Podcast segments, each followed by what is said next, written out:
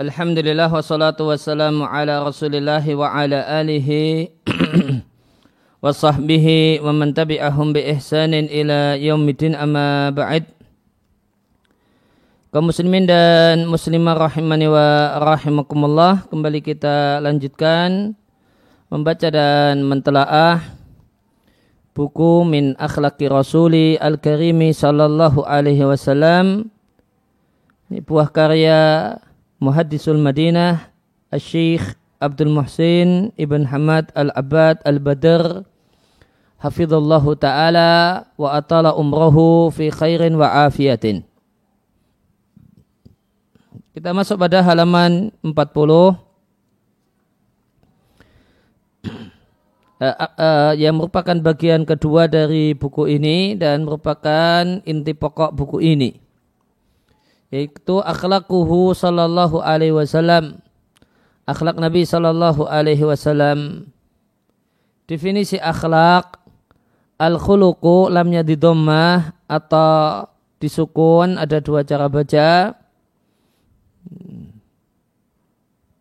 Khuluqu atau khulqu.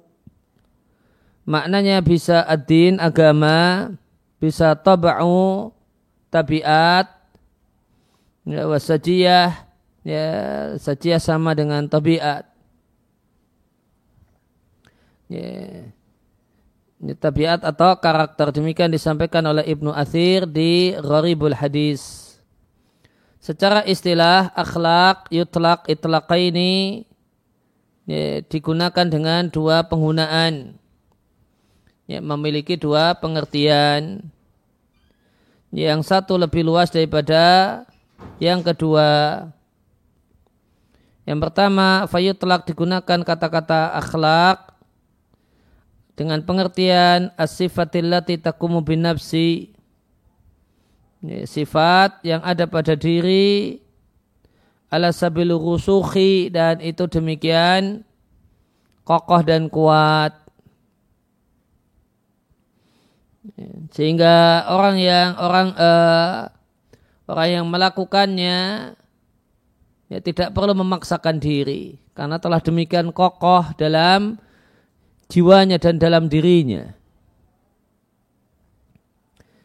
Wa yastahiqu al-mausufu biha dan pemilik sifat tersebut berhak mendapatkan pujian jika yang tepat kokoh di hatinya adalah sifat-sifat terpuji atau berhak mendapatkan celaan jika yang terpatri dalam dirinya adalah sifat-sifat yang tercela.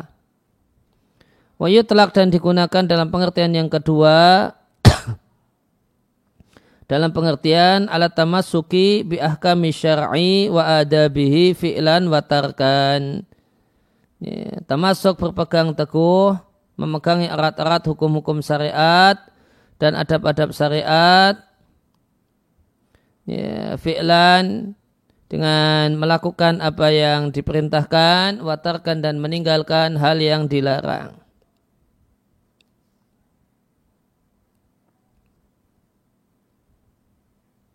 Ya, demikian dua uh, ya, dua pengertian akhlak yang disampaikan oleh penulis.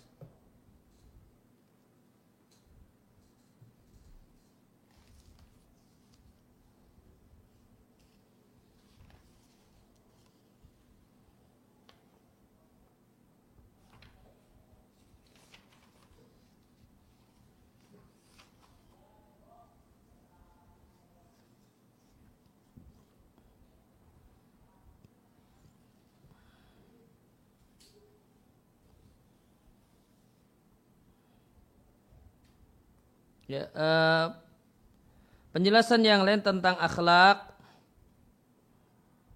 maka hakikat akhlak adalah suratul insan al-batinah. Ya, rupa batin, potret batin seseorang. Maka akhlak adalah jiwanya dan sifat-sifat jiwa ya, dan hal-hal yang menjadi kekhasan jiwa yang dia ini posisinya sebagaimana al-khalqu sebagaimana fisik seseorang yang merupakan potret lahiriah seseorang. Kemudian tadi kita baca bahasanya yang namanya akhlak itu satu hal yang terpatri kokoh dalam jiwa. Baik itu berdampak eh, celaan ataukah pujian. Sehingga ketika akhlak itu diterapkan maka dia punya ciri ya, ya, min ghairi hajatin ila fikrin wa rawiyatin. Tidak perlu mikir. Karena sudah auto, sudah otomatis. Ketika orang punya sifat sabar, maka ketika ada hal-hal yang memerlukan, ada peristiwa-peristiwa yang menuntut untuk sabar, dia langsung sabar. Tidak dia harus mengkondisikan diri berdamai dulu dengan hatinya saya harus sabar saya harus sabar. Nah, nah kalau ini belum jadi akhlak. Kalau orang itu akhlaknya emosional temperamen ya begitu ada hal yang memancing emosi langsung dia marah. Nah, ada orang yang tidak bisa marah sehingga untuk marah dia harus kondisikan dirinya saya harus marah ini nah, dia harus dimotivasi teman-temannya kamu ini kamu harus marah seperti itu kenapa nggak marah Nah.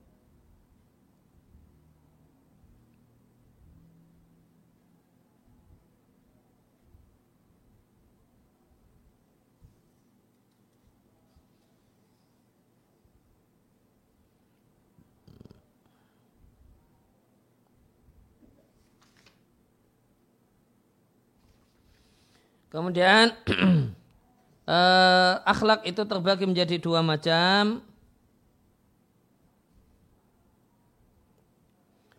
Yang pertama ada akhlak yang tabii, ada akhlak yang alami, yang memang sudah jadi karakter bawaan.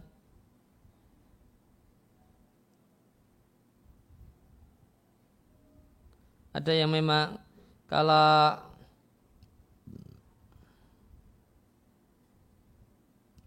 memang sudah bawaannya emosional sehingga ada masalah yang sangat kecil pun dia emosi ada seorang yang penakut bawaan, maka biasanya ada hal yang remeh yang menakutkan dia sudah ketakutan. Ya, kemudian yang kedua adalah akhlak yang akhlak mulia yang diusahakan dan diupayakan. Mayakunu mustafadan bil adati wa tadribi. Ya, ini dihasilkan karena pembiasaan dan latihan. Dan awalnya bisa jadi dengan berpikir, menimbang, saya harus bersikap demikian. Kemudian karena ini terus dilatih sehingga menjadi akhlak.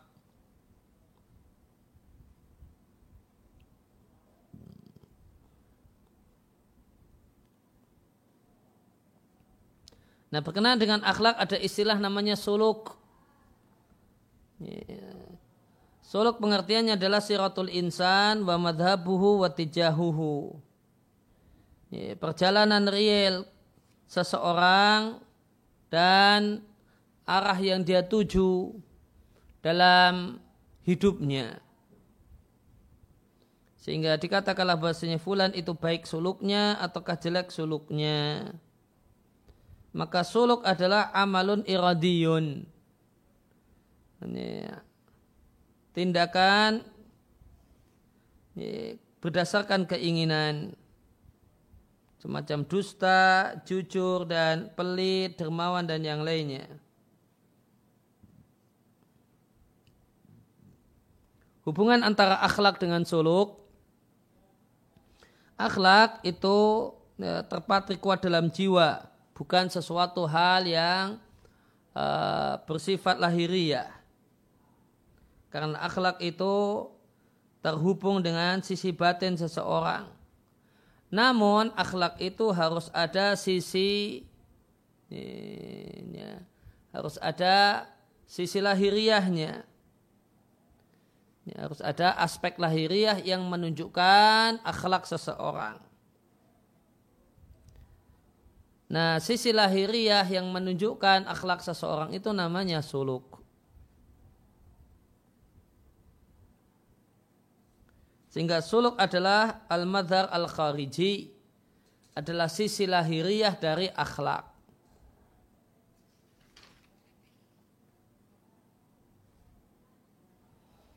Ya, kita bisa menyimpulkan dari suluk yang terus-menerus dimiliki oleh seseorang untuk mengetahui akhlaknya. Ini akhlak itu disimpulkan dari suluk.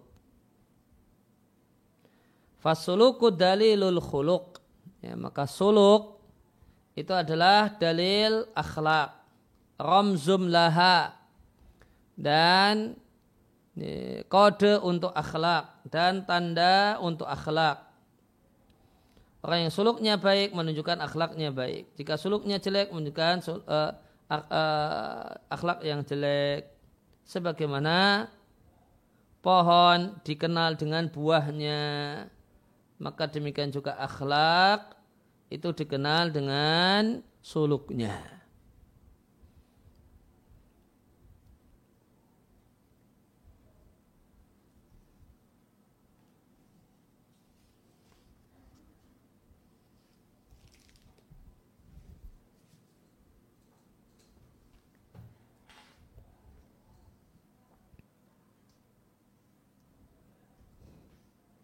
Ya, kembali ke buku Minal awalid eh, contoh akhlak dalam pengertian yang pertama sesuatu yang ya, sifat yang terpuji ataukah tercela, sifat jelek ataukah buruk yang terpatri dalam jiwa. Contohnya sabda Nabi Shallallahu Alaihi Wasallam kepada Asaji Abdul Qais. Nabi katakan, sungguh ada pada dirimu dua akhlak yang dicintai oleh Allah, yaitu al-hilm tidak mudah emosi, wal anah dan tenang dalam artian tidak tergesa-gesa. Dan orang tersebut bertanya, wahai Rasulullah, itu dua akhlak yang aku latih sehingga aku memiliki keduanya, ataukah jubil tu alihima, ataukah itu sudah ya, akhlak bawaan pada diriku. Maka Nabi katakan, bal jubilta alaihima bahkan engkau ya, telah ya, ya, telah sejak bawaan memiliki dua sifat tersebut. Qal Alhamdulillahilladzi jabalani ala khuluqaini yuhibbuhumallahu Segala puji milik Allah yang telah memberikan kepadaku bawaan dua akhlak yang dicintai oleh Allah. Ya, maka akhlak di sini artinya sifat yang tepat terpatri dalam diri.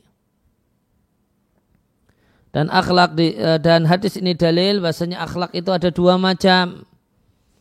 Ada yang merupakan ya, bawaan dan ada yang merupakan hasil latihan, hasil pembiasaan dan latihan. Wa dan akhlak dalam makna yang kedua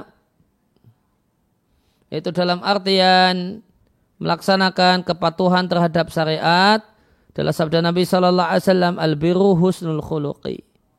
Kebaikan itu adalah akhlak mulia. Maka semua amal kebaikan, menjalankan perintah dan meninggalkan larangan, semuanya adalah husnul khuluq. Akhlak yang mulia. Dan perkataan Ibunda Aisyah radhiallahu anha di halaman 41 fi tafsir qaulihi ta'ala ketika menjelaskan firman Allah taala wa innaka la'ala khuluqin azim. Sesungguhnya engkau adalah pemilik akhlak yang agung. Maka kata beliau karena khuluquhul qur'ana. Akhlak nabi itu Al-Qur'an. Inilah definisi akhlak filurah dalam bahasa Arab wal istilah dan dalam secara istilah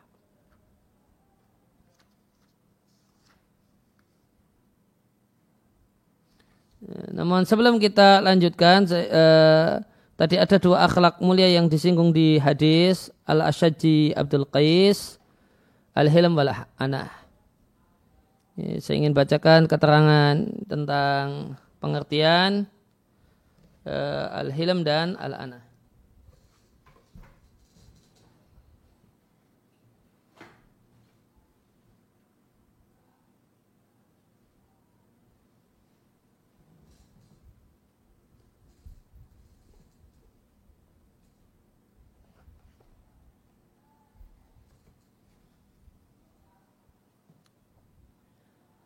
Tentang al-anah maka al-anah itu sering kali digandeng dengan tasabut.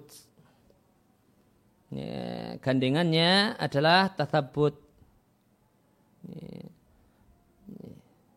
mencari kejelasan. Al-ana al-ana dalam bahasa Arab maknanya adalah at-tathabbutu wa adamul ajalati mencari kejelasan, kepastian dan tidak tergesa-gesa.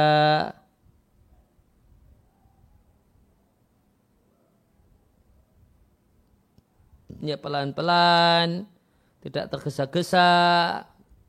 Ini kata orang Jawa tidak gerusa-gerusu, itu anak al-anak. Maka di sebagian penggunaan kata-kata Anah ta'anna itu artinya pelan-pelan memberikan tambahan waktu dan semacam dan terkadang maknanya adalah tabayun wa tathabut fil umur, mencari kejelasan dan kepastian. Dan orang itu akan tabayun dan mencari kejelasan dan kepastian manakala dia tidak punya sifat tergesa-gesa.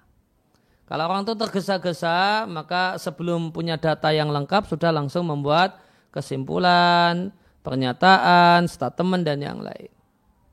Namun kalau orang seorang itu uh, tidak tergesa-gesa, ya, maka ya, dia akan mengumpulkan data secara lengkap, ya, mencari kejelasan, baru membuat kesimpulan.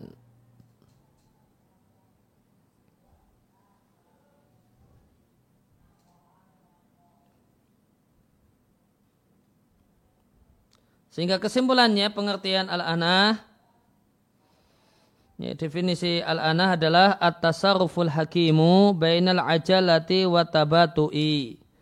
Tindakan yang bijak yang terletak di antara dua hal yang jelek yaitu tergesa-gesa dan terlalu lamban. Nah, tengah-tengah antara itu ya, tengah-tengah antara itu lamban tergesa-gesa sama lamban itu namanya al-ana.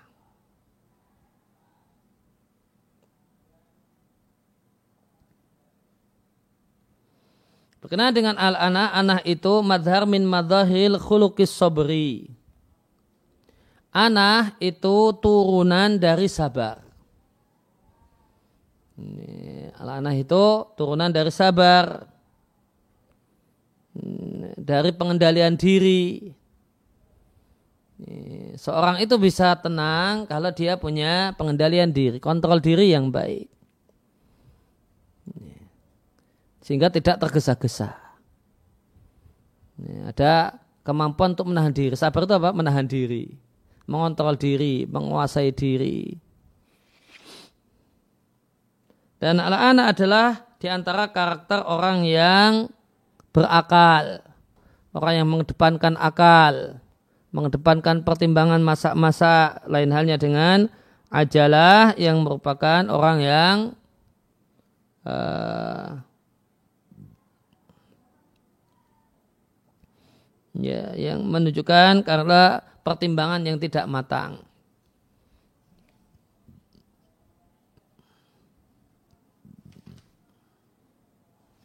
Tergesa-gesa itu menunjukkan sifat tergesa-gesa menunjukkan kalau orangnya tidak memiliki irodah kawiyah keinginan yang kuat dan kemampuan untuk mengendalikan diri merespon hal-hal yang memancing emosi memancing untuk tergesa-gesa Ya, dan al-ana ini uh, dan tergesa-gesa kebalikan dari lamban. Karena lamban itu sifat orang malas dan orang meremehkan. Ya, nanti dari malas meremehkan maka akan lamban.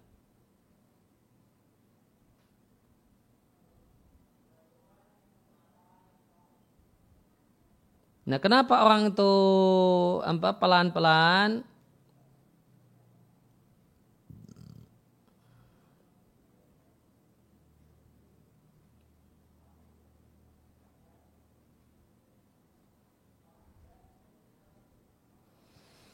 Maka kalau orang itu pelan-pelan itu menunjukkan kalau orangnya tidak memiliki kemampuan untuk mendorong tekad. Tekad dalam dirinya untuk melakukan berbagai macam aktivitas yang akan mewujudkan apa yang dia harapkan. Maka dia tidak bisa mendorong tekad yang ada dalam dirinya itu orang yang lamban. Atau memang dia tidak punya himatun aliyah Ya, semangat yang tinggi untuk mewujudkan hal yang ideal dan sempurna. Ini, karena orang yang lamban itu merasa puas dengan yang rendah. Kenapa dia merasa puas dengan yang rendah? Karena dia lebih mengutamakan ya, kenyamanan. Nah, gini aja sudah enak kok. Ngapain harus seperti itu? Lebih mengutamakan kenyamanan dan karena malas untuk melakukan hal yang semestinya dilakukan. Ya, maka itu gambaran tentang uh, sifat al-anah.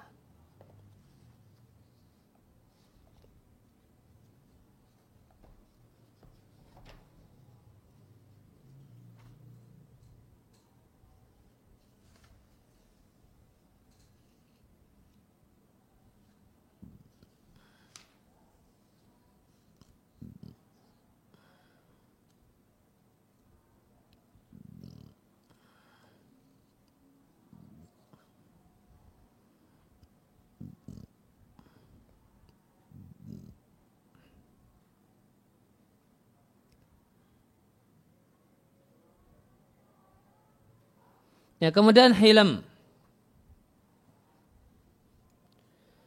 Hilm dalam bahasa Arab itu ta'anna wasakana, tenang dan tenang ingdal ghodobi ketika ada yang bikin emosi. Atau ketika ada sesuatu yang tidak disukai. Ma'akudratin padahal punya kemampuan. Ya, pada saat dia punya kemampuan dan kekuatan dan akal. Di antara nama Allah adalah Halim. Halim adalah ya, nama Allah Halim itu maknanya tidak langsung mengadab orang-orang yang durhaka kepadanya.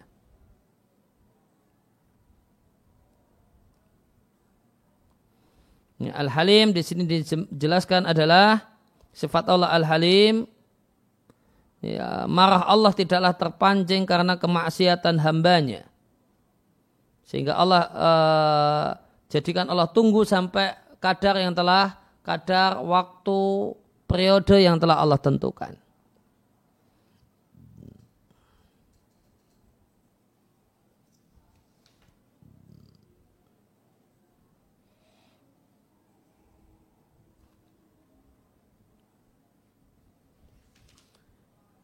itu uh, kemudian kesimpulannya definisi hilm adalah Dabtun nafsi wa tab'i an hayjanil ghadabi. Pengendalian diri. Kata kuncinya pengendalian diri, pengendalian tabiat untuk tidak bergejolaknya amarah. Untuk tidak meledak-ledaknya amarah. Nah hilm itu adalah juga sifat pertengahan di antara dua sifat jelek. Yang pertama godop. Godop itu terjemahnya emosional, temperamen, suka marah-marah, dan di sisi yang lain biladah tidak bisa marah.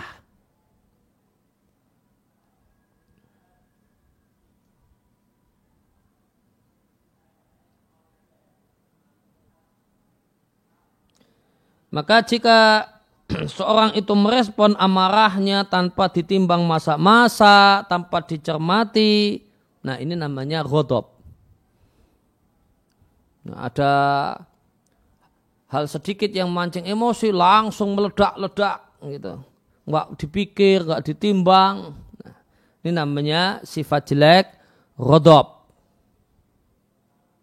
Namun jika taballada tidak bisa marah. Akhirnya dia lebih uh, lebih mengutamakan untuk menelantarkan haknya. Dia rela dengan haknya itu dikurangi. Tidak dipenuhi. Dia rela didolimi santai saja.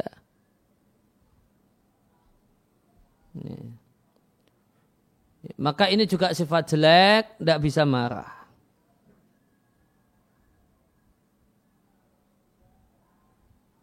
Nah sifat yang terpuji, tengah-tengah di antara hal itu. Ketika ada hal yang memancing emosi, dia kendalikan diri, padahal dia bisa meluapkan amarahnya. Dan ketika dia bersikap tenang tersebut, dia tujukan kepada orang yang memang berhak untuk, untuk mendapatkan sifat ini, maka inilah sifat mulia hilm. Sehingga hilm itu punya hubungan erat dengan kadmil ghaidhi. punya hubungan erat dengan kemampuan menahan amarah.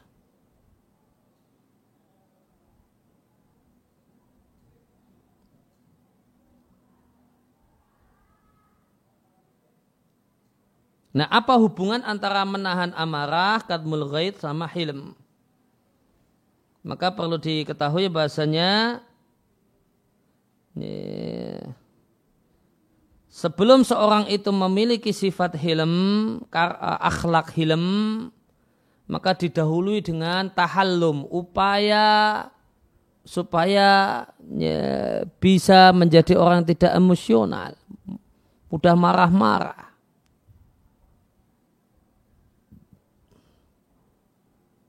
Nah tahallum atau latihan untuk hilm itu sama dengan kadmul ghairi. Menahan amarah. Dan supaya orang itu bisa menahan amarah, nah ini perlu mujahadatin syadidatin, perjuangan berat. Kenapa? Karena menahan amarah itu dalam mengandung dalam menahan amarah itu terdapat menyembunyikan amarah, melawan amarah, bersabar dengan hal yang uh, ya bersabar dengan hal yang memancing amarah. Nah, ketika kemampuan untuk menahan amarah itu telah menjadi karakter jiwa. Melekat pada diri. Nah, itulah yang disebut dengan hilm. Ya, jadi apa hubungan antara kadmul ghaid menahan amarah dengan hilm? Jawabannya kadmul ama uh, kadmul ya, kadmul ghaidhi itu sama dengan tahallum berlatih untuk memiliki hilm. Ketika latihan ini sukses, ya, maka hilm itu menjadi ya, karakter yang tepat di dalam diri, ya, jadilah hilm. Maka kemampuan amarah itu telah jadi karakter, maka jadilah hilm orangnya disebut halim.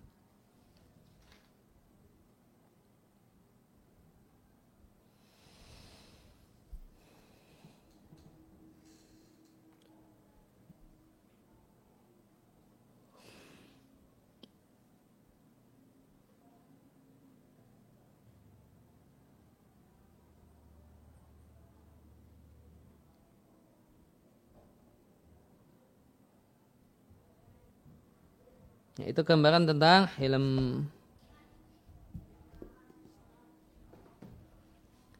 Kembali ke buku di halaman 41. Nanti kilo kita kami berpindah ba'dau setelah itu membicarakan akhlak Nabi yang mulia dan karakter Nabi yang terpuji dalam semua fase kehidupan beliau sallallahu alaihi wasallam Fakat kana sallallahu alaihi wasallam adalah beliau sallallahu alaihi wasallam manusia yang paling indah akhlaknya. Terkumpul pada diri beliau berbagai macam sifat pujian dan sanjungan yang itu tercerai-berai pada orang lain. Ini, tidak terkumpul pada orang lain. Sungguh Allah subhanahu wa ta'ala menjaganya dan menjaganya min adna wasfin dari sifat yang paling rendah yu'abu sahibuhu yang ini, pelakunya dicela karenanya.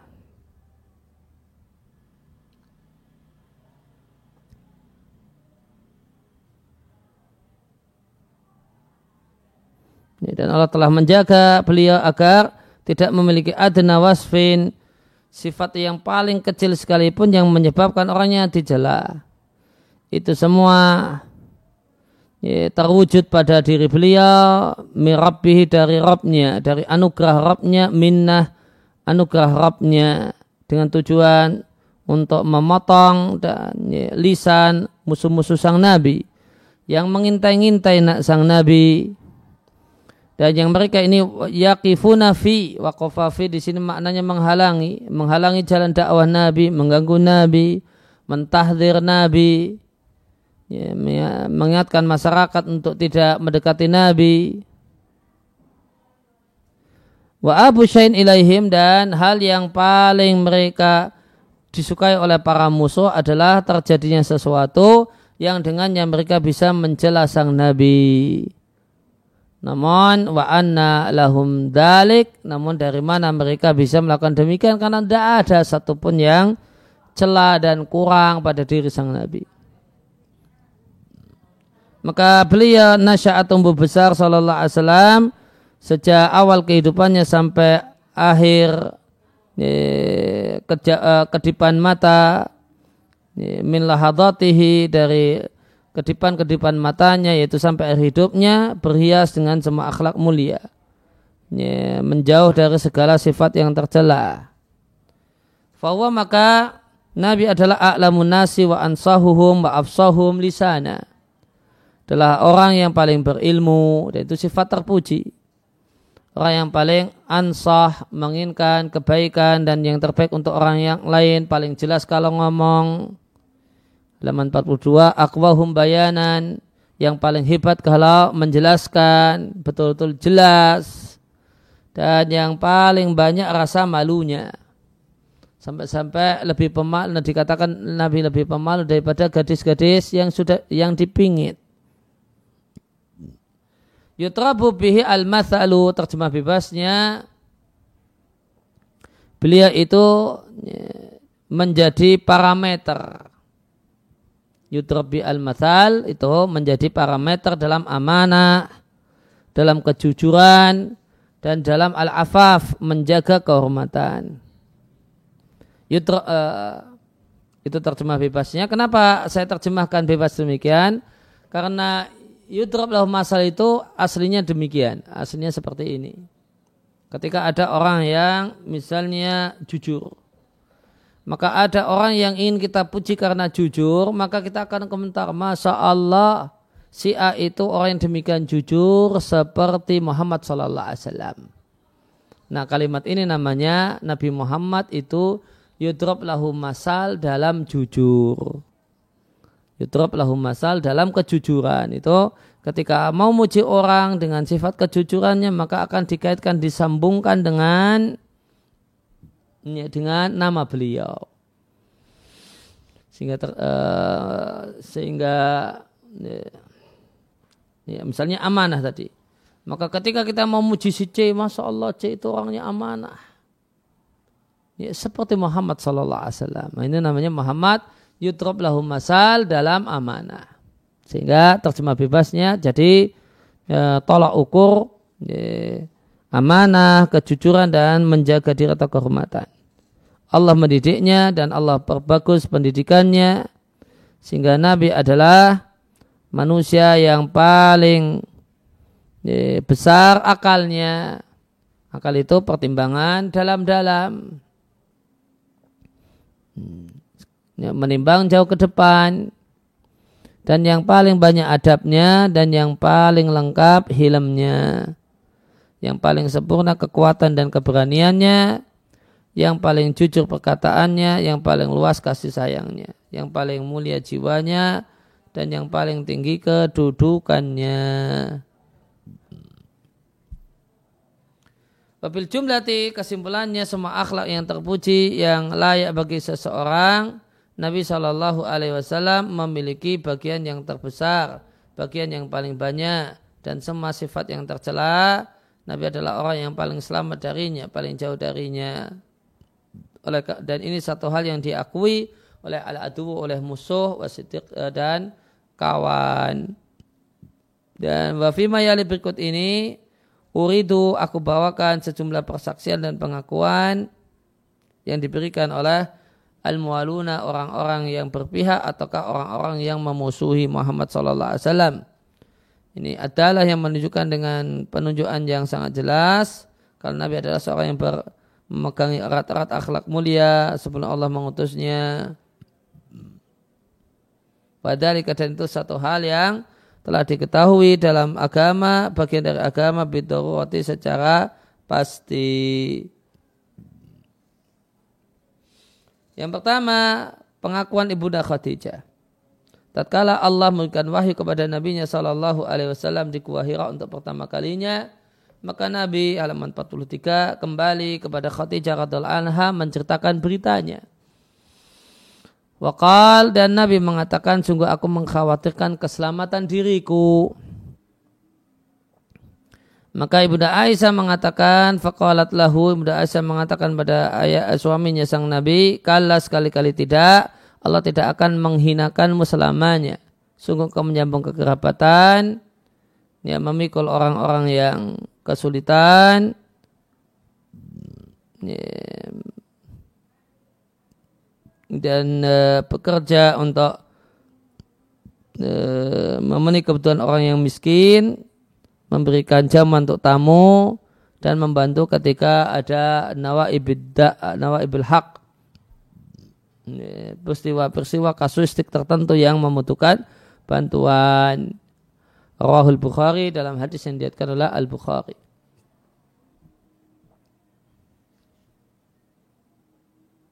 Kita coba cek di uh, Fathul Bari Sarah Al-Bukhari.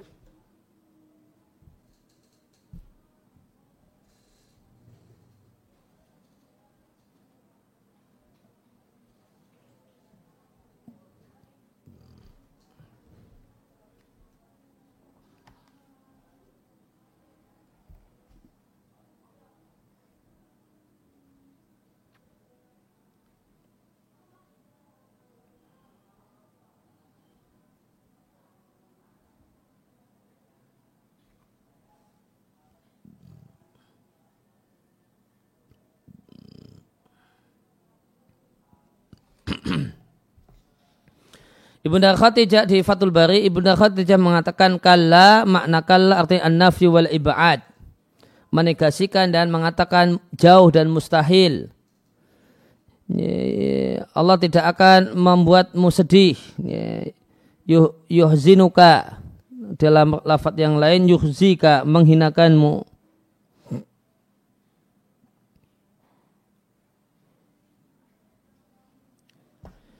Uh, artinya Thumma kemudian ibunda Khadijah radhiallahu anha mendalili isi sumpah beliau kalau Allah tidak akan menghinakannya.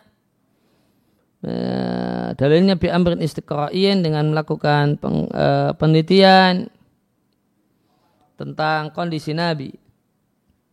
Bahasanya Nabi itu memiliki dasar-dasar semua akhlak mulia. Karena yang namanya ihsan berbuat baik boleh jadi kerabat kepada boleh jadi orang lain, boleh jadi dengan badan, boleh jadi dengan harta, boleh jadi pada orang yang ya, tidak bergantung pada orang lain ataupun orang yang bergantung kepada orang lain.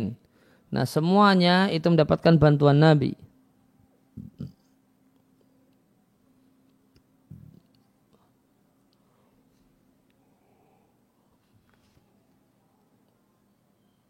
Misalnya, ya, maka Nabi berbuat baik pada kerabatnya dengan bentuk menyambung kekerabatan. Inna latasilu rahimah.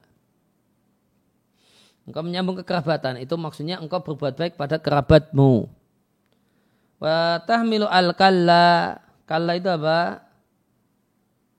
Malla yastaqilu bi amrihi. Dia orang yang tidak mandiri untuk memenuhi kebutuhannya sendiri. Dia orang yang bergantung kepada orang lain. Wa taksibu al-ma'duma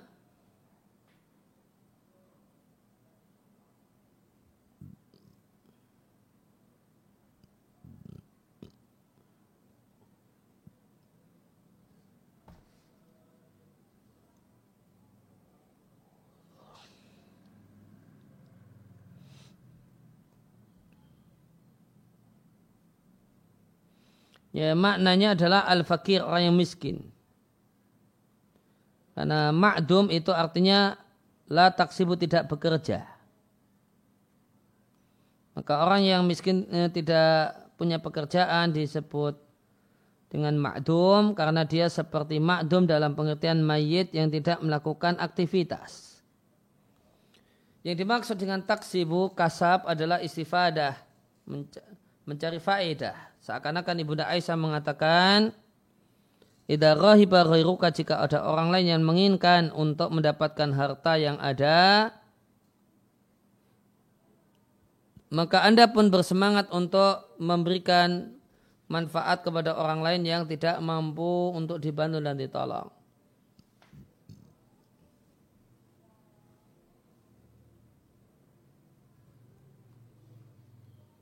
Artinya beliau uh,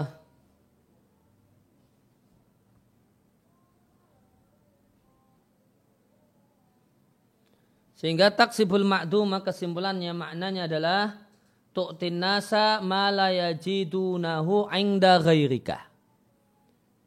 engkau memberikan kepada orang lain hal yang mereka tidak mendapatkannya di tempat selain dirimu.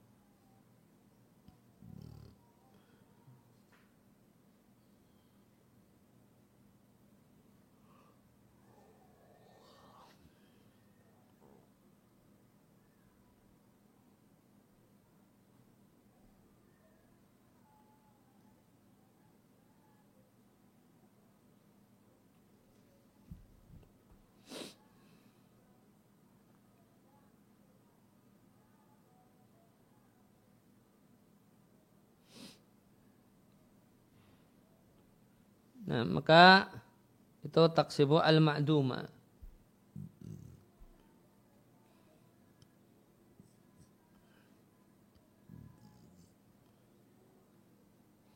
Kemudian wa tu'inu ala nawa nawa ibil haqqi. Nah, wa tu'inu ala nawa ibil dahri ini kalimatun jami'atun li afrati mata qaddama. Itu kalimat yang me, merangkum semua poin-poin sebelumnya. Tadi ada menyambung kekerabatan, tahmilul kalla, ini wataksibul ma'duma semuanya ya, tiga hal ini terangkum dengan kalimat ini.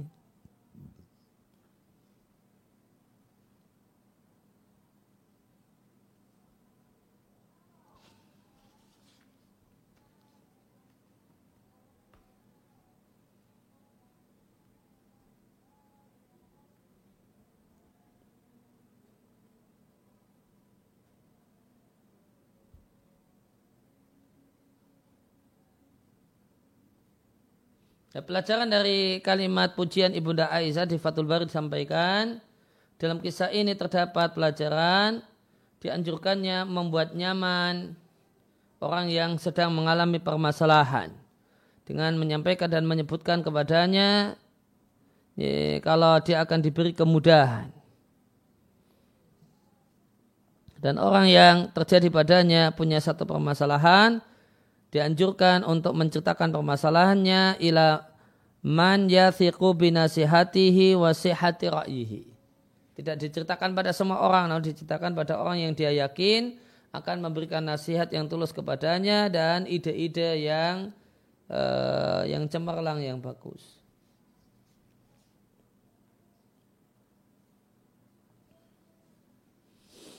Nah, kemudian Selanjutnya kembali ke buku. Persaksian yang kedua persaksian orang kafir Quraisy ketika mereka membangun Ka'bah. Tatkala orang Quraisy komat bibinai Ka'bah mengadakan pembangunan Ka'bah sebelum diutusnya Nabi Shallallahu Alaihi Wasallam, mereka berselisih untuk yang mengambil mengangkat hajar aswad dikembalikan ke tempatnya. Maka mereka kemudian sepakat untuk menjadikan sebagai wasit orang yang pertama kali yadkhulu alaihim al-baba. Ya, memasuk masuk pintu Masjidil Haram untuk menjumpai mereka. Maka yang pertama kali masuk adalah Rasulullah Sallallahu Alaihi Wasallam. Maka mereka semua gembira. Mereka mengatakan Ja'al Aminu telah datang orang yang amanah Ja'a Muhammadun. Dan adalah mereka orang masyarakat Mekah menggelari beliau dengan gelar Al-Amin. Karena mereka mengetahui ya, tentang kualitas amanah ya, amanahnya Ya, kemudian persaksian orang kafir Quraisy tentang kejujuran Nabi Shallallahu Alaihi Wasallam terdapat dalam Sahih Bukhari bahasanya Nabi Shallallahu Alaihi Wasallam tatkala turun pada beliau ayat wa angdir asyiratakal akrabin nasihatilah keluargamu yang paling dekat. Maka Nabi naik ke bukit sofa dan mulailah beliau berteriak ya bani Fihar ya bani Adi dan nama-nama uh, uh, marga Quraisy yang lainnya sehingga ketika mereka telah ngumpul, maka bahkan sampai-sampai orang yang tidak mampu untuk keluar rumah, halaman 44 ya, arsala rasula, maka dia mengutus utusan untuk melihat mahua ada hal apa dan kejadian apa. Maka datanglah juga Abu Lahab dan orang Quraisy setelah itu. Nabi mengatakan, apa pendapatmu seandainya ku ceritakan pada kalian anak khailan bahasanya ada pasukan berkuda di lembah itu dia ingin menyerang kalian. Apakah kalian percaya denganku? Mereka mengatakan iya. Kami majar benar alika ila sidqa. Kami tidak pernah mencoba pada dirimu kecuali kejujuran. Kami tidak punya pengalaman engkau dusta. Maka barulah Nabi mengatakan, makasnya aku memberikan peringatan pada kalian sebelum baina yaday adabin syadid.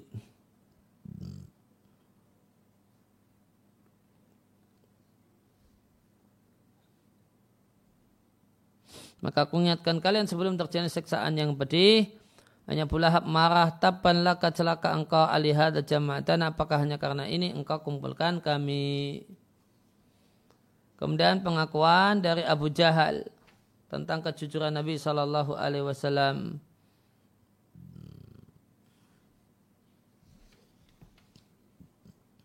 Takadam telah lewat hadis yang diatkan Al-Hakim dengan sanatnya. Menurut Bukhari dan Muslim bahasa Abu Jal berkata kepada Nabi, sehingga kami tidak mendustakanmu, namun kami mendustakan ajaran yang kau bawa. Allah Ta'ala berfirman, sungguh membuat sedih. Innahu la yazunu kalladhi yakuluna orang-orang yang mereka katakan. Yaitu pendustaan mereka sungguh itu membuatmu sedih. Maka mereka tidak mendustakanmu akan tapi orang-orang yang dalam terhadap ayat-ayat kami mereka yang mengingkari. Mereka mengingkarinya. Walama demikian juga ketika ditanya oleh Al-Akhnas ibn Syariq atau Suraiq, Abu Jal mengatakan, eh, Waya Abul Abbas, kabarkan padaku tentang Muhammad apakah dia jujur ataukah dia bohong. Fakal, maka beliau mengatakan, celaka engkau demi Allah, sehingga Muhammad adalah seorang yang jujur. Sama sekali Muhammad belum pernah bohong. Ila akhirihi dan seterusnya. Kemudian di halaman 45 persaksian Abu Sufyan di hadapan Hirqal Raja Romawi tentang kejujuran Rasulullah Sallallahu Alaihi Wasallam dan beliau adalah wafa orang yang setia. Ada bacaan panjang dan perlu kita baca sambil baca sarahnya sehingga kita ya tunda. Kita akan baca poin yang kelima di pertemuan yang akan datang. Wasallallahu ala nabiyina Muhammadin wa ala alihi washabihi wasallam wa alamin. Ada pertanyaan mas? Hmm? ya. Bismillah. Ada pertanyaan dari akun YouTube. Hmm. Assalamualaikum Ustaz. Waalaikumsalam warahmatullahi hmm. Mau tanya bagaimana cara mengajarkan pendidikan seks pada anak karena agak canggung untuk menyampaikannya. Ya diawali dari hal yang menjadi ilmu yang menjadi kebutuhan atau fardu ain atas setiap muslim dan muslimah yang sudah dewasa. Ajari dengan uh, tata cara mandi junub dan sebab-sebabnya. Dan sebab sebabnya ini orang itu bisa junub karena sebab ini ini ini dengan uh, penjelasan yang global yang kira-kira bisa ditangkap oleh anak. Kemudian ada bagian tertentu bisa dikatakan nanti kalau sudah dewasa nanti akan lebih tahu. Gitu. Ya, maka diawali dari mengajari uh, poin yang merupakan menjadi kewajiban dan ilmu fardu ain atas setiap muslim dan muslimah tentang mandi junub dan teman dan teman-temannya. Nah. Ya, demikian subhanakallahumma bihamdika asyhadu an la ilaha illa anta astaghfiruka wa atubu ilaik.